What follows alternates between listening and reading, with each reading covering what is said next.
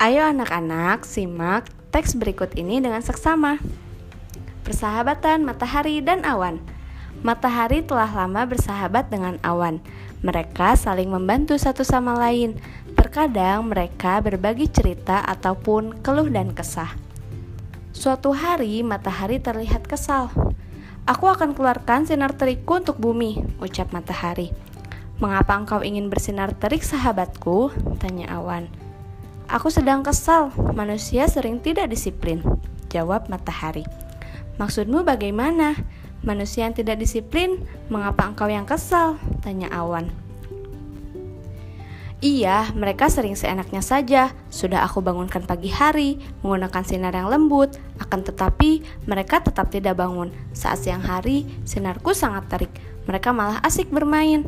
Harusnya mereka beristirahat di rumah. Sinar terikku saat siang hari dapat membakar kulit mereka, ungkap matahari.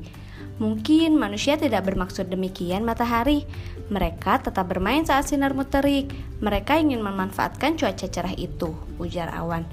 Kamu bayangkan, saat wajahmu bersembunyi terus di balik tubuhku, hujan turun sepanjang hari. Manusia tidak dapat melakukan aktivitasnya. Jadi, hari ini engkau menampakkan wajahmu.